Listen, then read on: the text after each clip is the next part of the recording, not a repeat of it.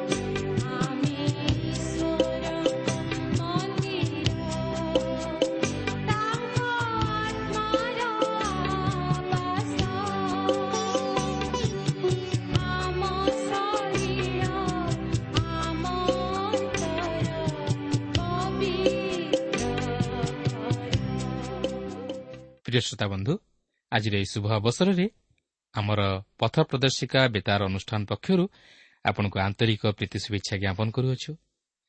ଆପଣ ଆପଣଙ୍କର ବହୁମୂଲ୍ୟ ସମୟ ଦେଇ ଆଜିର ଏହି କାର୍ଯ୍ୟକ୍ରମରେ ସହଯୋଗ କରିଥିବାରୁ ଆମେ ମଧ୍ୟ ବିଶେଷ ଖୁସି। ପ୍ରଭୁଙ୍କ ନାମକୁ ଧନ୍ୟବାଦ ଦେଉ। କେବଳ ସେତିକି ନୁହେଁ ଆପଣ ନିଜେ ଏହି କାର୍ଯ୍ୟକ୍ରମ ଶୁଣିବା ସଙ୍ଗେ ସଙ୍ଗେ ଅନ୍ୟମାନଙ୍କୁ ଶୁଣାଇବାରେ ଉତ୍ସାହିତ କରୁଥିବାର ଜାଣି ଆମେ ମଧ୍ୟ ବିଶେଷ ଆନନ୍ଦିତ। ପ୍ରଭୁ ଆପଣଙ୍କୁ ଆଶୀର୍ବାଦ କରନ୍ତୁ ଓ ଆହୁରି ଆହୁରି ଆତ୍ମିକ ଜୀବନରେ ବର୍ଦ୍ଧିଷ୍ଣୁ କରାନ୍ତୁ ଆସନ୍ତୁ ପ୍ରଭୁଙ୍କର ବାକ୍ୟ ମଧ୍ୟ ଦେଇ ଯିବା ପୂର୍ବରୁ ପ୍ରାର୍ଥନାର ସହିତ ପ୍ରଭୁଙ୍କ ବାକ୍ୟର ନିକଟବର୍ତ୍ତୀ ହେବା। ଆସନ୍ତୁ ପ୍ରାର୍ଥନା କରିବା। ପ୍ରିୟ ପବିତ୍ର ପ୍ରଭୁ ଆମମାନଙ୍କର ସୃଷ୍ଟିକର୍ତ୍ତା ଉଦ୍ଧାରକର୍ତ୍ତା ପରିତାଣକର୍ତ୍ତା ତୁମର ପବିତ୍ର ନାମର ଧନ୍ୟବାଦ କରୁଅଛୁ ଏହି ସୁନ୍ଦର ସୁଯୋଗ ପାଇଁ ତୁମର ଜୀବନ୍ତ ବାକ୍ୟ ପାଇଁ। ପ୍ରଭୁ ଆମେ ଜାଣୁ ତୁମର ବାକ୍ୟ ଆମମାନଙ୍କ ନିମନ୍ତେ ଶାନ୍ତିଦାୟକ ସାନ୍ତ୍ୱନାଦାୟକ ଭରସାଦାୟକ ଶକ୍ତିଦାୟକ। ଆଉ ସେହି ବାକ୍ୟ ଅନୁଯାୟୀ ଜୀବନଯାପନ କରିବା ନିମନ୍ତେ ଆମମାନଙ୍କୁ ଶକ୍ତି ଦିଅ। ସେ ବାକ୍ୟର ଗଭୀର ମର୍ମକୁ ବୁଝିବା ନିମନ୍ତେ ପ୍ରଭୁ ତୁମର ସେହି ସ୍ୱର୍ଗୀୟ ଜ୍ଞାନ ତୁମେ ଆମମାନଙ୍କୁ ପ୍ରଦାନ କର। ଯେତିକି ସମୟ ଧରି ତୁମର ବାକ୍ୟ ଅଧ୍ୟୟନ ବା ଶ୍ରବଣ କରିବୁ ସେଥି ନିମନ୍ତେ ଆମମାନଙ୍କୁ ଧୀର ସ୍ଥିର ଚିତ ଦାନ କର ଆଉ ଏକ ସରଳ ବିଶ୍ୱାସର ହୃଦୟ ଦିଅ। ଆଜିର ଏହି କାର୍ଯ୍ୟକ୍ରମ ମଧ୍ୟ ଦେଇ ପ୍ରତ୍ୟେକ ଶ୍ରୋତାବନ୍ଧୁମାନଙ୍କୁ ତୁମେ ଆଶୀର୍ବାଦ କର। ଯୀଶୁଙ୍କ ନାମରେ ମାଗୁଅଛୁ।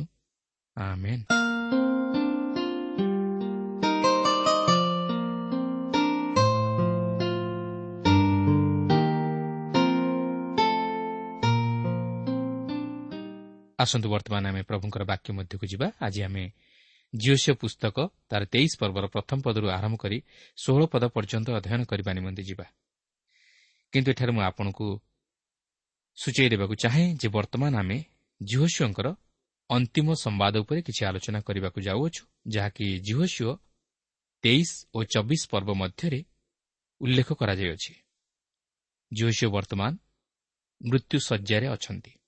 ଓ ତାହାଙ୍କର ମୃତ୍ୟୁ ପୂର୍ବରୁ ସେ ତାହାଙ୍କର ଲୋକମାନଙ୍କୁ ଶେଷ ସମ୍ବାଦ ଦେଇ ସତର୍କ କରାଇ ଦେବାକୁ ଚାହାନ୍ତି ଯେପରି ସେମାନେ ପାପରେ ପତିତ ନ ହୋଇ ଈଶ୍ୱରଙ୍କର ବାଧ୍ୟ ହୋଇ ଆଶୀର୍ବାଦର ଅଧିକାରୀ ହୁଅନ୍ତି।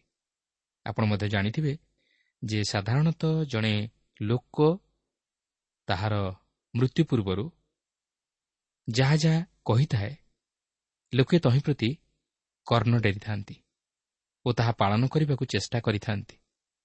ଓ ସେହି ସମସ୍ତ ଶେଷ କଥା ଉପରେ ବିଶେଷ ଗୁରୁତ୍ୱ ଦେଇଥାନ୍ତି। ଏପରିକି ଈଶ୍ୱରଙ୍କ ପବିତ୍ର ବାକ୍ୟ ବାଇବଲରେ ମଧ୍ୟ ସେହି ଶେଷ କଥା ଉପରେ ବିଶେଷ ଗୁରୁତ୍ୱ ଦିଆଯାଏ। ଓ ତାହା ମଧ୍ୟ ଅତ୍ୟନ୍ତ ଗୁରୁତ୍ୱପୂର୍ଣ୍ଣ ବିଷୟ ଅଟେ। ଆପଣ ଦେଖନ୍ତୁ ଜାକୁବ ତାଙ୍କର ମୃତ୍ୟୁ ପୂର୍ବରୁ ତାଙ୍କର ବାର ପୁତ୍ରଙ୍କୁ ନିକଟକୁ ଡାକି ସେମାନଙ୍କ ପ୍ରତ୍ୟେକଙ୍କ ବିଷୟ ନେଇ ଭାବଣୀ ପ୍ରକାଶ କରିଥିଲେ। ପରେ ଯେତେବେଳେ ଏହି ବାରପୁତ୍ର ବାରଟି ଗୋଷ୍ଠୀରେ ପରିଣତ ହେଲେ ସେତେବେଳେ ମୂଷା ତାହାଙ୍କର ମୃତ୍ୟୁ ପୂର୍ବରୁ ସେହି ବାର ଗୋଷ୍ଠୀଙ୍କୁ ନିକଟକୁ ଡାକି ସେମାନଙ୍କୁ ଆଶୀର୍ବାଦ କଲେ। ଓ ଏଠାରେ ମଧ୍ୟ ଆମେ ଦେଖିବାକୁ ଯିବା ଯେ ଜିଓସିଓ ତାଙ୍କର ମୃତ୍ୟୁ ପୂର୍ବରୁ ସେମାନଙ୍କୁ ଅର୍ଥାତ୍ ସେହି ଇସ୍ରାଏଲ୍ ବଂଶକୁ ନିକଟକୁ ଡାକି ସେମାନଙ୍କୁ ଅନ୍ତିମ ସମ୍ବାଦ ଜଣାଉଛନ୍ତି।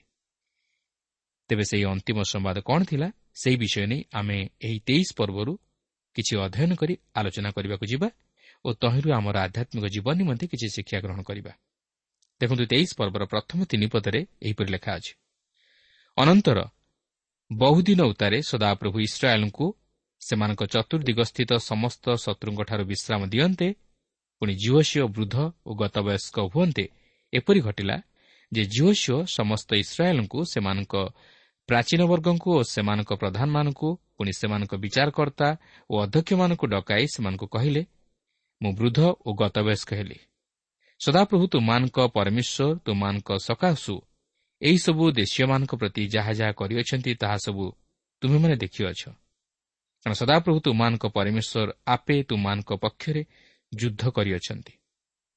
ଏଠାରେ ଝିଅ ଝିଅ ସେମାନଙ୍କୁ କହନ୍ତି ଦେଖ ବର୍ତ୍ତମାନ ଅବସର ନେବାକୁ ଯାଉଅଛି। କାରଣ ବର୍ତ୍ତମାନ ମୁଁ ବୃଦ୍ଧ ଓ ଗତବୟସ୍କ ହୋଇଅଛି। ମୁଁ ଆଉ ତୁମାନଙ୍କ ମଧ୍ୟରେ ବେଶୀ ଦିନ ରହିବାକୁ ଯାଉନାହିଁ। କିନ୍ତୁ ମୁଁ ତୁମମାନଙ୍କୁ ମୋର ଶେଷ କଥା କହିବାକୁ ଚାହେଁ। ତୁମାନେ ଦେଖିଅଛ ଯେ ଈଶ୍ୱର ତୁମାନଙ୍କ ନିମନ୍ତେ କେତେ ମହାନ କାର୍ଯ୍ୟ ସାଧନ କରିଅଛନ୍ତି। ସେ ତୁମାନଙ୍କୁ ତୁମାନଙ୍କ ଶତ୍ରୁମାନଙ୍କ ଉପରେ ଜୟ ପ୍ରଦାନ କରିଅଛନ୍ତି। ସେ ତୁମାନଙ୍କ ସମ୍ମୁଖରୁ ତୁମାନଙ୍କର ଶତ୍ରୁମାନଙ୍କୁ ଘଉଡ଼ାଇ ଦେଇଅଛନ୍ତି। ଯାହାକି ଆମେ ଚାରିପଦରୁ ଛଅ ପଦ ମଧ୍ୟରେ ପାଠ କଲେ ଦେଖିବାକୁ ପାରିବା। ଏହିପରି ଲେଖା ଅଛି ଦେଖ ଜର୍ଦ୍ଦନ ଅବଧି ସୂର୍ଯ୍ୟାସ୍ତ ଦିଗରେ ମହାସମୁଦ୍ର ପର୍ଯ୍ୟନ୍ତ ଯେ ସମସ୍ତ ଦେଶୀୟମାନଙ୍କୁ ମୁଁ ଉଚ୍ଛିନ୍ନ କରିଅଛି ଆଉ ଯେଉଁ ଦେଶୀୟମାନେ ଅବଶିଷ୍ଟ ଅଛନ୍ତି ସେମାନଙ୍କ ଦେଶ ଅଧିକାର କରିବାକୁ ମୁଁ ତୁମାନଙ୍କ ବଂଶାନୁସାରେ ଗୁଲିବାଣ୍ଟ ଦ୍ୱାରା ବିଭାଗ କରି ତୁମାନଙ୍କୁ ଦେଲି। ସଦାପ୍ରଭୁ ତୁମାନଙ୍କ ପରମେଶ୍ୱର ଆପେ ତୁମାନଙ୍କ ସମ୍ମୁଖରୁ ସେମାନଙ୍କୁ ଘୋଡ଼ାଇ ଦେବେ ଓ ତୁମାନଙ୍କ ଦୃଷ୍ଟିଗୋଚରରୁ ତଡ଼ିଦେବେ ତେଣୁ ତୁମେମାନେ ସଦାପ୍ରଭୁ ତୁମାନଙ୍କ ପରମେଶ୍ୱରଙ୍କ ବାକ୍ୟାନୁସାରେ ସେମାନଙ୍କ ଦେଶ ଅଧିକାର କରିବ। ଏ ନିମନ୍ତେ ତୁମେମାନେ ମୂଷାଙ୍କର ବ୍ୟବସ୍ଥା ଗ୍ରନ୍ଥରେ ଲିଖିତ ସମସ୍ତ କଥା ମାନିବାକୁ ଓ କରିବାକୁ ସାହସିକ ହୁଅ ତହିଁର ଦକ୍ଷିଣରେ କି ବାମରେ ନ ଫେର। ଏହି ଅଂଶରେ ଆପଣ ଲକ୍ଷ୍ୟ କରିବେ ଜିଓ ସିଓ ସେମାନଙ୍କୁ ନିକଟକୁ ଡାକି ସେମାନଙ୍କ ପ୍ରତି ଈଶ୍ୱରଙ୍କର ସମସ୍ତ ଆଶୀର୍ବାଦ ଓ ମଙ୍ଗଳଦାନକୁ ସ୍ମରଣ କରାଇ ଦେଇ ମୂଷା ସେମାନଙ୍କୁ ଯାହା ଯାହା କରିବାକୁ କହିଥିଲେ ସେହି ସମସ୍ତ ବିଷୟ ଜିଓ ସିଓ ମଧ୍ୟ ସେମାନଙ୍କୁ କହୁଅଛନ୍ତି। ସାଧନ କରିବା ପାଇଁ ସେମାନେ ଯେପରି ମୂଷାଙ୍କର ବ୍ୟବସ୍ଥା ଅନୁଯାୟୀ ସମସ୍ତ ବିଷୟ ମାନନ୍ତି ଓ ପାଳନ କରିବାକୁ ପାରନ୍ତି ଏଥିନିମନ୍ତେ ସେମାନଙ୍କୁ ତାହା ସ୍ମରଣ କରାଇ ଦେଇ ତାହା ସାଧନ କରିବାକୁ କହନ୍ତି। କିନ୍ତୁ ସେମାନେ ଯେପରି ତହିଁରୁ ବିମୁଖ ନ ହୁଅନ୍ତି ଏଥିନିମନ୍ତେ ମଧ୍ୟ ସେମାନଙ୍କୁ ସ୍ମରଣ କରାଇ ଦିଅନ୍ତି। ତେଣୁ ସେତିକି ନୁହେଁ ସେଥିସହିତ ସେମାନଙ୍କୁ ଆହୁରି କେତେକ ବିଷୟରେ ସତର୍କ ରହିବାକୁ କହନ୍ତି ଯାହାକି ସାତ ଓ ଆଠ ପଦରେ ଲେଖା ଅଛି। ପୁଣି ସେହି ଗୋଷ୍ଠୀମାନଙ୍କର ଯିଏ ଅବଶିଷ୍ଟ ଲୋକ ତୁମାନଙ୍କ ମଧ୍ୟରେ ଅଛନ୍ତି ସେମାନଙ୍କ ମଧ୍ୟରେ ପ୍ରବେଶ ନ କର କି ସେମାନଙ୍କ ଦେବତାମାନଙ୍କ ନାମ ଉଚ୍ଚାରଣ ନ କର କି ସେମାନଙ୍କ ନାମରେ ଶପଥ ନ କରାଅ କି ସେମାନଙ୍କର ସେବା ନ କର କିମ୍ବା ସେମାନଙ୍କୁ ପ୍ରଣାମ ନ କର। ମାତ୍ର ଯେମନ୍ତ ଆଜି ପର୍ଯ୍ୟନ୍ତ କରି ଆସୁଅଛ ତେମନ୍ତ ସଦାପ୍ରଭୁ ତୁମାନଙ୍କ ପରମେଶ୍ୱରଙ୍କଠାରେ ଆସକ୍ତ ଥାଅ। ଚିନ୍ତା କରିପାରୁଛନ୍ତି ଝିଅ ଝିଅ କାହିଁକି ସେମାନଙ୍କୁ ଏହିପରି ସତର୍କ କରାଇ ଦିଅନ୍ତି? କାରଣ ସାଧାରଣତଃ ମଣିଷର ଜୀବନରେ ଏହିପରି ଘଟିବା ସ୍ୱାଭାବିକ ବିଷୟ। ମଣିଷ ଯେତେବେଳେ ସମସ୍ୟା ଦୁଃଖ ଓ ବିପଦ ତଥା ସଙ୍କଟମୟ ପରିସ୍ଥିତି ମଧ୍ୟ ଦେଇ ଗତି କରେ ସେତେବେଳେ ସେ ଈଶ୍ୱରଙ୍କୁ ପୁରାପୁରି ଜାବୁଡ଼ି ଧରିଥାଏ। ମାତ୍ର ସେହି ସମସ୍ତରୁ ଯେତେବେଳେ ଈଶ୍ୱର ତାହାକୁ ମୁକ୍ତ କରନ୍ତି ସେତେବେଳେ ସେ ଈଶ୍ୱରଙ୍କୁ ଭୁଲି ଯାଇଥାଏ। ଆଉ ଠିକ୍ ସେହିପରି ଝିଅ ଜାଣିଥିଲେ ଯେ ଇସ୍ରାଏଲ୍ ସନ୍ତାନଗଣକୁ ଯେତେବେଳେ ସେହି ଭୟଙ୍କର ଜର୍ଦ୍ଦନ ନଦୀକୁ ଅତିକ୍ରମ କରିବାକୁ ଥିଲା ଶତ୍ରୁର ସମ୍ମୁଖୀନ ହେବାକୁ ଥିଲା ଚତୁଃପାର୍ଶ୍ୱରେ ବିପଦର ଜୁଆର ଆସି ଧକ୍କା ମାରୁଥିଲା ଭୟ ଓ ଆଶଙ୍କା ସେମାନଙ୍କୁ ଘେରି ରହିଥିଲା। ସେତେବେଳେ ସେମାନେ ଈଶ୍ୱରଙ୍କୁ ଜାବୁଡ଼ି ଧରିଥିଲେ।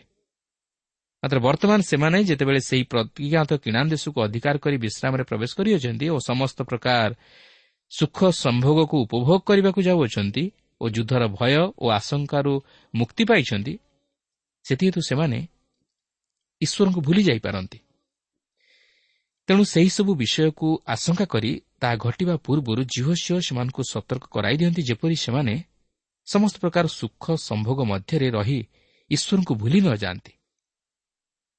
ପ୍ରକୃତିରେ ଦେଖିବାକୁ ଗଲେ ମନୁଷ୍ୟ ଜୀବନରେ ଭୟଙ୍କର ପରିସ୍ଥିତି ତାହାର ସମସ୍ୟା ବହୁଳ ଜୀବନ ନୁହେଁ। ମାତ୍ର ପ୍ରାଚୁର୍ଯ୍ୟତା ଓ ସୁଖ ସମ୍ଭୋଗର ସମୟ ହେଉଛି ତାହା ପାଇଁ ସମସ୍ୟାର ସମୟ। କାରଣ ଏହି ସମୟ ତାହାର ଜୀବନ ନିମନ୍ତେ ଏକ ପରୀକ୍ଷାମୟ ସମୟ। ଏହି ସମୟରେ ସେ ଯଦି ନିଜକୁ ସଂଯତ କରି ନ ରଖେ ଓ ସତର୍କ ନ ରୁହେ ତାହେଲେ ତାହାର ଜୀବନ ବିନାଶ ଆଡ଼କୁ ଗତି କରେ। ଆଜି ଅନେକ ଏହିପରି ପଥଭ୍ରଷ୍ଟ ହେଉଅଛନ୍ତି। ସେମାନେ ପ୍ରାଚୁର୍ଯ୍ୟତା ମଧ୍ୟରେ ରହି ଈଶ୍ୱରଙ୍କ ପ୍ରତି କର୍ତ୍ତବ୍ୟ କରିବାକୁ ବା ଈଶ୍ୱରଙ୍କୁ ସ୍ମରଣ କରିବା ନିମନ୍ତେ ଭୁଲି ଯାଆନ୍ତି ସେମାନଙ୍କ ଜୀବନରେ ଈଶ୍ୱରଙ୍କ ପ୍ରତି ଶିଥିଳତାର ମନୋଭାବ ଦେଖାଯାଏ। କିନ୍ତୁ ମୁଁ ଜାଣେ ନା ଆପଣ କେତେ ଦୂର ସେହିପରି ଅନୁଭୂତିର ମଧ୍ୟ ଦେଇ ଗତି କରିଅଛନ୍ତି ମାତ୍ର ମୁଁ ଏତିକି ଜାଣେ ଆପଣ ନିଶ୍ଚୟ ନିଜର ଜୀବନରେ ତାହା ଅନୁଭବ କରିଥିବେ। ତେଣୁ ମୁଁ ମଧ୍ୟ ଈଶ୍ୱରଙ୍କ ନିକଟରେ ଏହିପରି ପ୍ରାର୍ଥନା କରେ ପ୍ରଭୁ ମୋତେ ତୁମେ ଏପରି ଏକ ପରିସ୍ଥିତିରେ ରଖ ଯେପରି ମୁଁ ତୁମକୁ ସଦାସର୍ବଦା ଖୋଜିବି ଓ ତୁମଠାରୁ ସାହାଯ୍ୟ ଭିକ୍ଷା କରି ତୁମ ସହିତ ଲାଗି ରହିବାକୁ ପାରିବି। ତେଣୁ ପ୍ରିୟ ବନ୍ଧୁ ଆପଣ ଯଦି ସମସ୍ୟା ମଧ୍ୟ ଦେଇ ଗତି କରୁଅଛନ୍ତି କିମ୍ବା ଆପଣ ଅଭାବ ଓ ଦୁଃଖର ସମ୍ମୁଖୀନ ହେଉଅଛନ୍ତି ତାହେଲେ ହତାଶ କିମ୍ବା ନିରାଶ ହୁଅନ୍ତୁ ନାହିଁ। କାରଣ ଈଶ୍ୱର ଆପଣଙ୍କର ସହିତ ଅଛନ୍ତି ଓ ସେ ଚାହାନ୍ତି ଆପଣ ଯେପରି ତାଙ୍କ ଆଡ଼କୁ ଦୃଷ୍ଟି କରି ତାହାଙ୍କଠାରୁ ସାହାଯ୍ୟ ଭିକ୍ଷା କରନ୍ତୁ ଓ ତାହାଙ୍କର ନିକଟବର୍ତ୍ତୀ ହୁଅନ୍ତୁ। ଗୋଟିଏ ବିଷୟ ଆପଣ ମନେ ରଖିବେ ସମସ୍ତେ ଆପଣଙ୍କୁ ଭୁଲି ଯାଇପାରନ୍ତି ବା ପରିତ୍ୟାଗ କରିଦେଇପାରନ୍ତି। ମାତ୍ର ଆପଣଙ୍କର ସୃଷ୍ଟିକର୍ତ୍ତା ଈଶ୍ୱର କେବେ ହେଲେ ଆପଣଙ୍କୁ ଭୁଲନ୍ତି ନାହିଁ କି ପରିତ୍ୟାଗ କରିବାକୁ ଚାହାନ୍ତି ନାହିଁ। ସେ ଚାହାନ୍ତି ଆପଣ ଯେପରି ତାହାଙ୍କୁ ଖୋଜନ୍ତୁ ଓ ତାହାଙ୍କର ନିକଟବର୍ତ୍ତୀ ହୁଅନ୍ତୁ। ଆପଣ ଦେଖନ୍ତୁ ସୁଖରେ ମଣିଷ କେବେ ହେଲେ ଅନ୍ତରର ସହିତ ଈଶ୍ୱରଙ୍କୁ ଡାକେ ନାହିଁ ବା ଖୋଜେ ନାହିଁ। ମାତ୍ର ଦୁଃଖରେ ସେ ଈଶ୍ୱରଙ୍କୁ ଡାକେ ଓ ଈଶ୍ୱରଙ୍କର ନିକଟବର୍ତ୍ତୀ ହୁଏ। ତେଣୁ ଆପଣ ଯେଉଁ ପ୍ରକାର ପରିସ୍ଥିତିରେ ଥାଆନ୍ତୁ ନା କାହିଁକି ସୁଖରେ ଥାଆନ୍ତୁ ବା ଦୁଃଖରେ ଥାଆନ୍ତୁ ମାତ୍ର ଆପଣ ଯଦି ପ୍ରତ୍ୟେକ ଅବସ୍ଥାରେ ଈଶ୍ୱରଙ୍କ ସହିତ ସଂଯୁକ୍ତ ଜୀବନଯାପନ କରିବେ ତାହେଲେ ଆପଣ ଦୁଃଖରେ ଭାଙ୍ଗି ପଡ଼ିବେ ନାହିଁ କି ସୁଖରେ ବିଭୋର ହୋଇ ବିନାଶର ସମ୍ମୁଖୀନ ହେବେ ନାହିଁ। ଆପଣ ମଧ୍ୟ ଦେଖିଥିବେ ଯେ ସାଧାରଣତଃ ଜନଗହଳି କିମ୍ବା ଅଧିକ ଯାନବାହନ ଚଳାଚଳ ହେଉଥିବା ରାସ୍ତାରେ ଦୁର୍ଘଟଣା କମ୍ ହୁଏ। ମାତ୍ର ଫାଙ୍କା ରାସ୍ତାମାନଙ୍କରେ ବିଶେଷ କରି ଜାତୀୟ ରାଜପଥମାନଙ୍କରେ ଦୁର୍ଘଟଣା ଅଧିକ ହୁଏ। ଏହାର କାରଣ କ'ଣ ଜାଣନ୍ତି? ଏହାର କାରଣ ହେଉଛି ଏହିପରି ଫାଙ୍କା ତଥା ଜାତୀୟ ରାଜପଥମାନଙ୍କରେ ଚଉଡ଼ା ରାସ୍ତା ଲାଗି ଓ ଯାନବାହନର ସେତେ ଭିଡ଼ ନଥିବା ହେତୁ ଯାନବାହନର ଚାଳକମାନେ ନିର୍ଦ୍ଧାରିତ ଗତିଠାରୁ ଅଧିକ ଦ୍ରୁତ ଗତିରେ ଗାଡ଼ି ଚଳାନ୍ତି ଫଳତଃ ସେମାନେ ଦୁର୍ଘଟଣାର ସମ୍ମୁଖୀନ ହୋଇ ନିଜର କ୍ଷତି ଘଟାଇବା ସଙ୍ଗେ ସଙ୍ଗେ ଅନ୍ୟମାନଙ୍କର ଧନଜୀବନ ମଧ୍ୟ କ୍ଷତିଗ୍ରସ୍ତ କରାନ୍ତି। ଓ ଠିକ୍ ସେହିପରି ମଣିଷ ଯେତେବେଳେ ସୁଖ ଓ ପ୍ରାଚୁର୍ଯ୍ୟତା ମଧ୍ୟରେ ଜୀବନ ଅତିବାହିତ କରେ ସେତେବେଳେ ତାହାର ଜୀବନରେ ପତନ ଘଟିବାର ବହୁତ ଆଶଙ୍କା ଥାଏ। ଯେହେତୁ ତାହାର ଜୀବନ ଲଗାମ ଛଡ଼ା ହୋଇଯାଏ ତେଣୁ ଏଥିପ୍ରତି ଆମେ ପ୍ରତ୍ୟେକ ସତର୍କ ରହିବା ଆବଶ୍ୟକ ଓ ନିଜର ସୁଖ ଓ ଧନର ପ୍ରାଚୁର୍ଯ୍ୟତା ମଧ୍ୟରେ ନିଜକୁ ହଜାଇ ନ ଦେଇ ଈଶ୍ୱରଙ୍କୁ ଧ୍ୟାନ କରିବା ଓ ଈଶ୍ୱରଙ୍କ ଆଜ୍ଞା ପାଳନ କରି ତାହାଙ୍କର ବଶୀଭୂତ ହୋଇ ରହିବା ନିତାନ୍ତ ଆବଶ୍ୟକ। ସେଥିପାଇଁ ଝିଅ ଝିଅ ଏଠାରେ ମଧ୍ୟ ଇସ୍ରାଏଲ୍ ସନ୍ତାନଗଣକୁ ତାହା ସ୍ମରଣ କରାଇ ସତର୍କ କରାଇ ଦିଅନ୍ତି କାରଣ ସେମାନେ ବର୍ତ୍ତମାନ ସେହି ପ୍ରତିଜ୍ଞାତ ଦେଶରେ ସୁଖ ଓ ପ୍ରାଚୁର୍ଯ୍ୟତା ମଧ୍ୟରେ କାଳାତିପାତ କରିବା ପାଇଁ ଯାଉଅଛନ୍ତି। ତେଣୁ ଝିଅ ସେମାନଙ୍କୁ କହନ୍ତି ଈଶ୍ୱର ତୁମାନଙ୍କ ନିମନ୍ତେ ଅତି ଆଶ୍ଚର୍ଯ୍ୟ ବିଷୟମାନ ସାଧନ କରିଅଛନ୍ତି। ସେ ତୁମାନଙ୍କୁ ତୁମାନଙ୍କ ଶତ୍ରୁମାନଙ୍କ ଉପରେ ଜୟ ପ୍ରଦାନ କରିଅଛନ୍ତି। ସେ ତାହାଙ୍କର ପ୍ରତିଜ୍ଞା ଅନୁଯାୟୀ ତୁମାନଙ୍କୁ ସେହି ପ୍ରତିଜ୍ଞାତ ଦେଶର ଅଧିକାରୀ କରାଇଅଛନ୍ତି। ତେଣୁ ତୁମେମାନେ ସେ ଈଶ୍ୱରଙ୍କ ସହିତ ରୁହ ଓ ତାହାଙ୍କର ଆଜ୍ଞା ପାଳନ କର। ଯଦି ତୁମେମାନେ ସେହି ସମସ୍ତ କର ତାହେଲେ ସେ ତୁମମାନଙ୍କୁ ଆଶୀର୍ବାଦ କରିବେ। କିନ୍ତୁ ଯଦି ତୁମେମାନେ ତାହାଙ୍କର ଅବାଧ୍ୟ ହୋଇ ତାହାଙ୍କୁ ଭୁଲିଯାଅ ତାହେଲେ ସେ ତୁମାନଙ୍କ ପ୍ରତି ବିନାଶ ଘଟାଇବେ।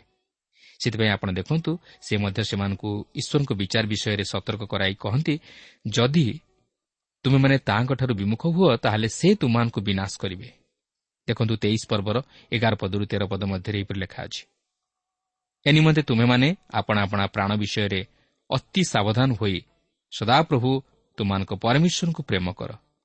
ନୋହିଲେ ଯେବେ ତୁମେମାନେ କୌଣସି ପ୍ରକାର ବିମୁଖ ହୁଅ ଓ ଏହି ଗୋଷ୍ଠୀମାନଙ୍କ ମଧ୍ୟରୁ ଯେଉଁମାନେ ତୁମାନଙ୍କ ମଧ୍ୟରେ ଅବଶିଷ୍ଟ ଅଛନ୍ତି ସେମାନଙ୍କଠାରେ ଆସକ୍ତ ହୁଅ ଓ ସେମାନଙ୍କ ସହିତ ବିବାହ ସମ୍ବନ୍ଧ ରଖି ତୁମେମାନେ ସେମାନଙ୍କର ସହବାସ କର ଓ ସେମାନେ ତୁମମାନଙ୍କର ସହବାସ କରନ୍ତି ତେବେ ଏହା ନିଶ୍ଚୟ ଜାଣ ଯେ ସଦାପ୍ରଭୁ ତୁମମାନଙ୍କ ପରମେଶ୍ୱର ଏହି ଗୋଷ୍ଠୀୟମାନଙ୍କୁ ତୁମାନଙ୍କ ଦୃଷ୍ଟିଗୋଚରରୁ ଆଉ ତଳିଦେବେ ନାହିଁ। ମାତ୍ର ସଦାପ୍ରଭୁ ତୁମମାନଙ୍କ ପରମେଶ୍ୱର ତୁମମାନଙ୍କୁ ଏହି ଯେଉଁ ଉତ୍ତମ ଦେଶ ଦେଇଅଛନ୍ତି ତହିଁରୁ ତୁମେମାନେ ବିନଷ୍ଟ ହେବା ପର୍ଯ୍ୟନ୍ତ ସେମାନେ ତୁମମାନଙ୍କର ଜାଲ ଓ ଫାନ୍ଦ ଓ ପାର୍ଶ୍ୱରେ କୋରଡ଼ା ଓ ଚକ୍ଷୁରେ କଣ୍ଟକ ସ୍ୱରୂପ ହେବେ। ଅନୁମାନ କରିପାରୁଛନ୍ତି? ଏହା କେତେ ଭୟଙ୍କର ବିଷୟ। ତେଣୁକରି ତାହା ସେମାନଙ୍କ ଜୀବନରେ ଘଟିବା ପୂର୍ବରୁ ଝିଅ ଝିଅ ସେମାନଙ୍କୁ ଈଶ୍ୱରଙ୍କ ବିଚାର ବିଷୟରେ ସତର୍କ କରାଇ ଦିଅନ୍ତି। ଯେପରି ସେମାନେ ଈଶ୍ୱରଙ୍କଠାରୁ ବିମୁଖ ହୋଇ ପାପରେ ପତିତ ନ ହୁଅନ୍ତି। କେବଳ ଝିଅ ନୁହନ୍ତି। ଏଥିପୂର୍ବରୁ ଆମେ ଦେଖିଛୁ ମୂଷା ମଧ୍ୟ ଏହି ବିଷୟ ନେଇ ସେମାନଙ୍କୁ ସତର୍କ କରାଇ ଦେଇଥିଲେ। କାରଣ ଏହା ଈଶ୍ୱରଙ୍କର ଆଦେଶ ଥିଲା ଯେପରି ତାହାଙ୍କର ମନୋନୀତ ଜାତି ଇସ୍ରାଏଲ୍ ବିଜାତୀୟମାନଙ୍କ ସହ ମିଶି ଓ ସେମାନଙ୍କ ସହ ବିବାହ ସମ୍ବନ୍ଧ ସ୍ଥାପନ କରି ଓ ସେମାନଙ୍କର ଦେବତାମାନଙ୍କର ସେବା ପୂଜା କରି କଳୁଷିତ ନ ହୁଅନ୍ତି କିମ୍ବା ପାପରେ ପତିତ ନ ହୁଅନ୍ତି। ତେବେ ଆପଣଙ୍କ ମନରେ ବୋଧହୁଏ ପ୍ରଶ୍ନ ଉଠିପାରେ ଯେ ତାହେଲେ ଈଶ୍ୱର କ'ଣ କେବଳ ଇସ୍ରାଏଲ୍ର ଈଶ୍ୱର ସେ କ'ଣ ଅନ୍ୟମାନଙ୍କର ଈଶ୍ୱର ନୁହନ୍ତି? ହଁ। ପ୍ରଶ୍ନ ମନରେ ଉଠିବା ଏକ ସ୍ୱାଭାବିକ ବିଷୟ।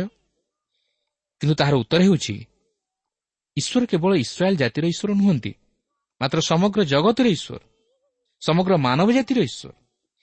କିନ୍ତୁ ଯେଉଁମାନେ ତାହାଙ୍କର ଆଜ୍ଞା ପାଳନ କରନ୍ତି ଓ ତାହାଙ୍କ ପଥରେ ଚାଲନ୍ତି ଓ ତାହାଙ୍କ ସହିତ ସଂଯୁକ୍ତ ଜୀବନଯାପନ କରନ୍ତି ସେମାନଙ୍କ ପ୍ରତି ତାହାଙ୍କର ଏକ ବିଶେଷ ଅନୁଗ୍ରହ ଥାଏ ଓ ସେମାନେ ତାହାଙ୍କର ସନ୍ତାନ ରୂପେ ଗଣିତ ହୁଅନ୍ତି। ଆଜି ମଧ୍ୟ ଆମେ ଯଦି ତାହାଙ୍କର ପୁତ୍ର ପ୍ରଭୁ ଯୀଶୁଖ୍ରୀଷ୍ଟଙ୍କଠାରେ ବିଶ୍ୱାସ କରି ତାହାଙ୍କୁ ନିଜ ହୃଦୟରେ ଉଦ୍ଧାରକର୍ତ୍ତା ରୂପେ ଗ୍ରହଣ କରୁ ତାହେଲେ ଆମେ ମଧ୍ୟ ଈଶ୍ୱରଙ୍କ ସନ୍ତାନ ହେବାର ଅଧିକାର ପାଇବା। ସେଥିପାଇଁ ଯୌହନ ସୁଷମାଚାରର ପ୍ରଥମ ପର୍ବର ବାର ଓ ତେର ପଦରେ ଲେଖା ଅଛି ମାତ୍ର ଯେତେ ଲୋକ ତାହାଙ୍କୁ ଗ୍ରହଣ କଲେ ଅର୍ଥାତ୍ ଯେଉଁମାନେ ତାହାଙ୍କ ନାମରେ ବିଶ୍ୱାସ କଲେ ସେ ସମସ୍ତଙ୍କୁ ସେ ଈଶ୍ୱରଙ୍କ ସନ୍ତାନ ହେବା ନିମନ୍ତେ ଅଧିକାର ଦେଲେ। ସେମାନେ ରକ୍ତରୁ ଶରୀରର ଇଚ୍ଛାରୁ ଅବା ମନୁଷ୍ୟର ଇଚ୍ଛାରୁ ଜାତ ହେଲେ ନାହିଁ ବରଂ ଈଶ୍ୱରଙ୍କଠାରୁ ଜାତ ହେଲେ।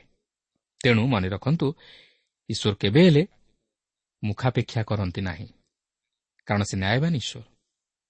ସେ ଚାହାନ୍ତି ନାହିଁ ମନୁଷ୍ୟ ତାହାଙ୍କୁ ଛାଡ଼ି ଆଉ କାହାକୁ ଦେବତା ବୋଲି ମାନୁ ବା କାହାର ପ୍ରତିମାକୁ ରଖି ପୂଜା କରୁ। କାରଣ ସେ ହେଉଛନ୍ତି ଜୀବନ୍ତ ଈଶ୍ୱର। ଓ ସେ ସମସ୍ତ ବିଷୟକୁ ଜୀବନ୍ତ କରି ସୃଷ୍ଟି କରିଅଛନ୍ତି। କିନ୍ତୁ ମନୁଷ୍ୟ ଆଜି ତାହାଙ୍କୁ ସୃଷ୍ଟ ବସ୍ତୁ ସହିତ ତୁଳନା କରି ତାହାଙ୍କ ମନରେ ଦୁଃଖ ଦିଏ। ତେଣୁକରି ଆପଣ ଦେଖନ୍ତୁ ଯେଉଁ ଲୋକମାନେ ସେହି ସମୟରେ ଦେବତାମାନଙ୍କୁ ପୂଜା କରୁଥିଲେ ଓ ପ୍ରତିମା ପୂଜାରେ ଆସକ୍ତ ଥିଲେ ସେମାନଙ୍କ ସହିତ ସମ୍ପର୍କ ନ ରଖିବା ପାଇଁ କିମ୍ବା ସେମାନଙ୍କ ସହିତ ବିବାହ ସମ୍ବନ୍ଧ ସ୍ଥାପନ ନ କରିବା ପାଇଁ ଈଶ୍ୱର ଆଦେଶ ଦେଇଥିଲେ। ତେବେ ଈଶ୍ୱର ଏହିପରି ଆଦେଶ ଦେବାର କାରଣ ହେଉଛି ଯେ ସେମାନେ ଯେପରି ତାହାଙ୍କ ନିମନ୍ତେ ଏକ ପୃଥକୀକୃତ ଜୀବନଯାପନ କରନ୍ତି ଓ ଆପଣା ଆପଣାକୁ ସମସ୍ତ ପ୍ରକାର କଳୁଷିତ ବିଷୟରୁ ମୁକ୍ତ ରଖିବାକୁ ପାରନ୍ତି। କିନ୍ତୁ ଏହାର ଅର୍ଥ ନୁହେଁ ଯେ ଈଶ୍ୱର ଅନ୍ୟ ଜାତିମାନଙ୍କୁ ଉପେକ୍ଷା କରିଥିଲେ।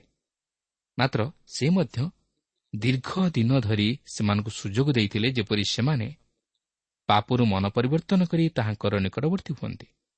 କିନ୍ତୁ ସେମାନେ ସବୁକିଛି ଜାଣି ତଥା ଦେଖି ସୁଦ୍ଧା ବିଶ୍ୱାସ କଲେ ନାହିଁ। କି ପାପରୁ ମନ ପରିବର୍ତ୍ତନ କଲେ ନାହିଁ।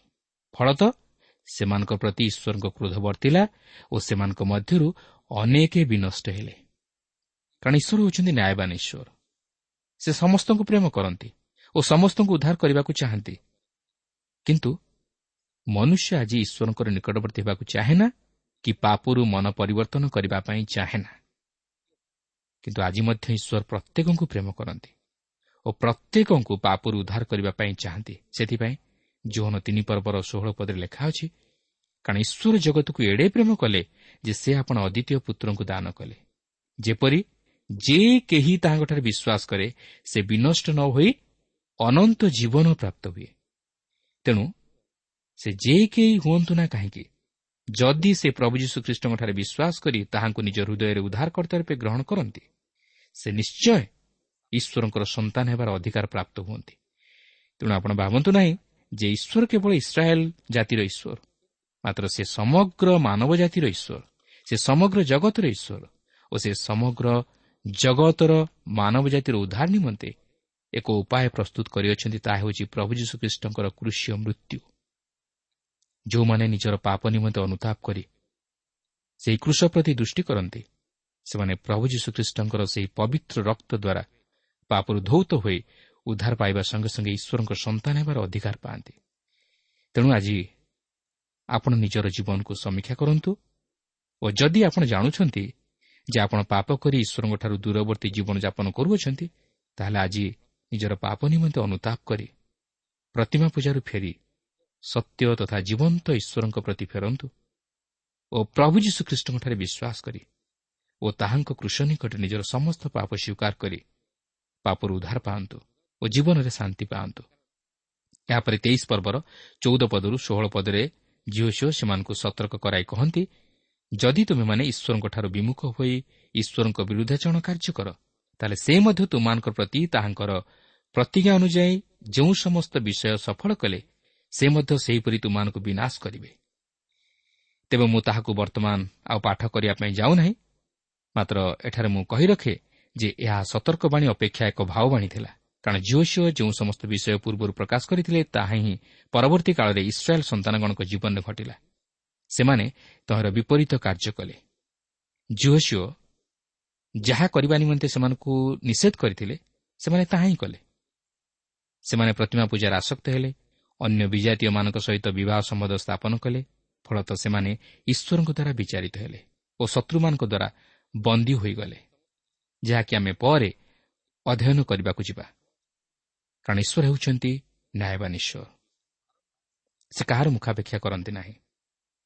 ଚିନ୍ତା କରନ୍ତୁ ଯଦି ଈଶ୍ୱର ତାଙ୍କର ମନୋନୀତ ଲୋକମାନଙ୍କର ବିଚାର କରି ଦଣ୍ଡ ଦିଅନ୍ତି ତାହେଲେ ଯେଉଁମାନେ ଅବାଧ୍ୟ ଓ ପାପରେ ଲିପ୍ତ ସେମାନଙ୍କର ଦଶା କେଡ଼େ ଘୋରତର ନ ହେବ।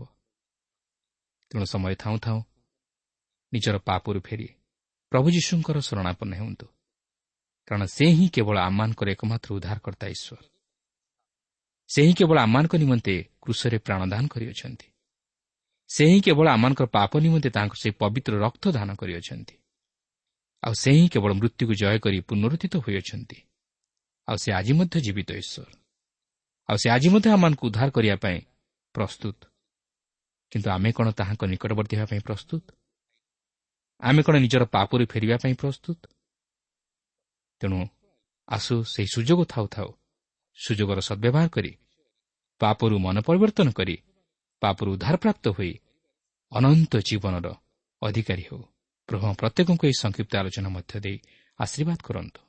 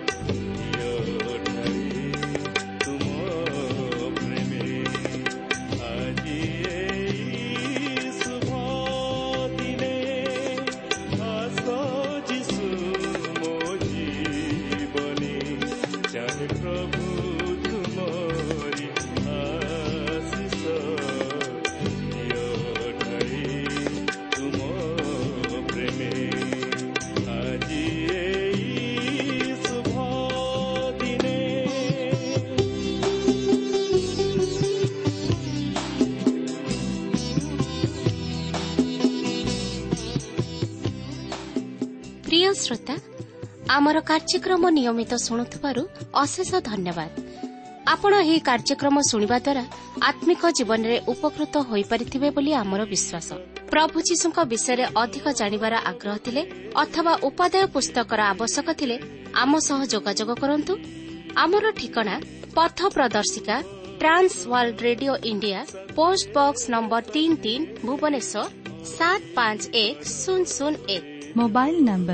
nine seven double seven double two one four one five ଠିକଣାଟି ଆଉଥରେ ଶୁଣନ୍ତୁ ପଥ ପ୍ରଦର୍ଶିକା trans world radio India post box number three three Bhubaneswar seven five one zero zero one mobile number nine seven double seven double two one four one five ଆମର email ଆଡ୍ରେସ୍ଟି ଲେଖି ରଖନ୍ତୁ Odia T TV at radio eight eight two dot com ତେବେ ଆଜି ପାଇଁ ବିଦାୟ ଦିଅନ୍ତୁ। ନମସ୍କାର।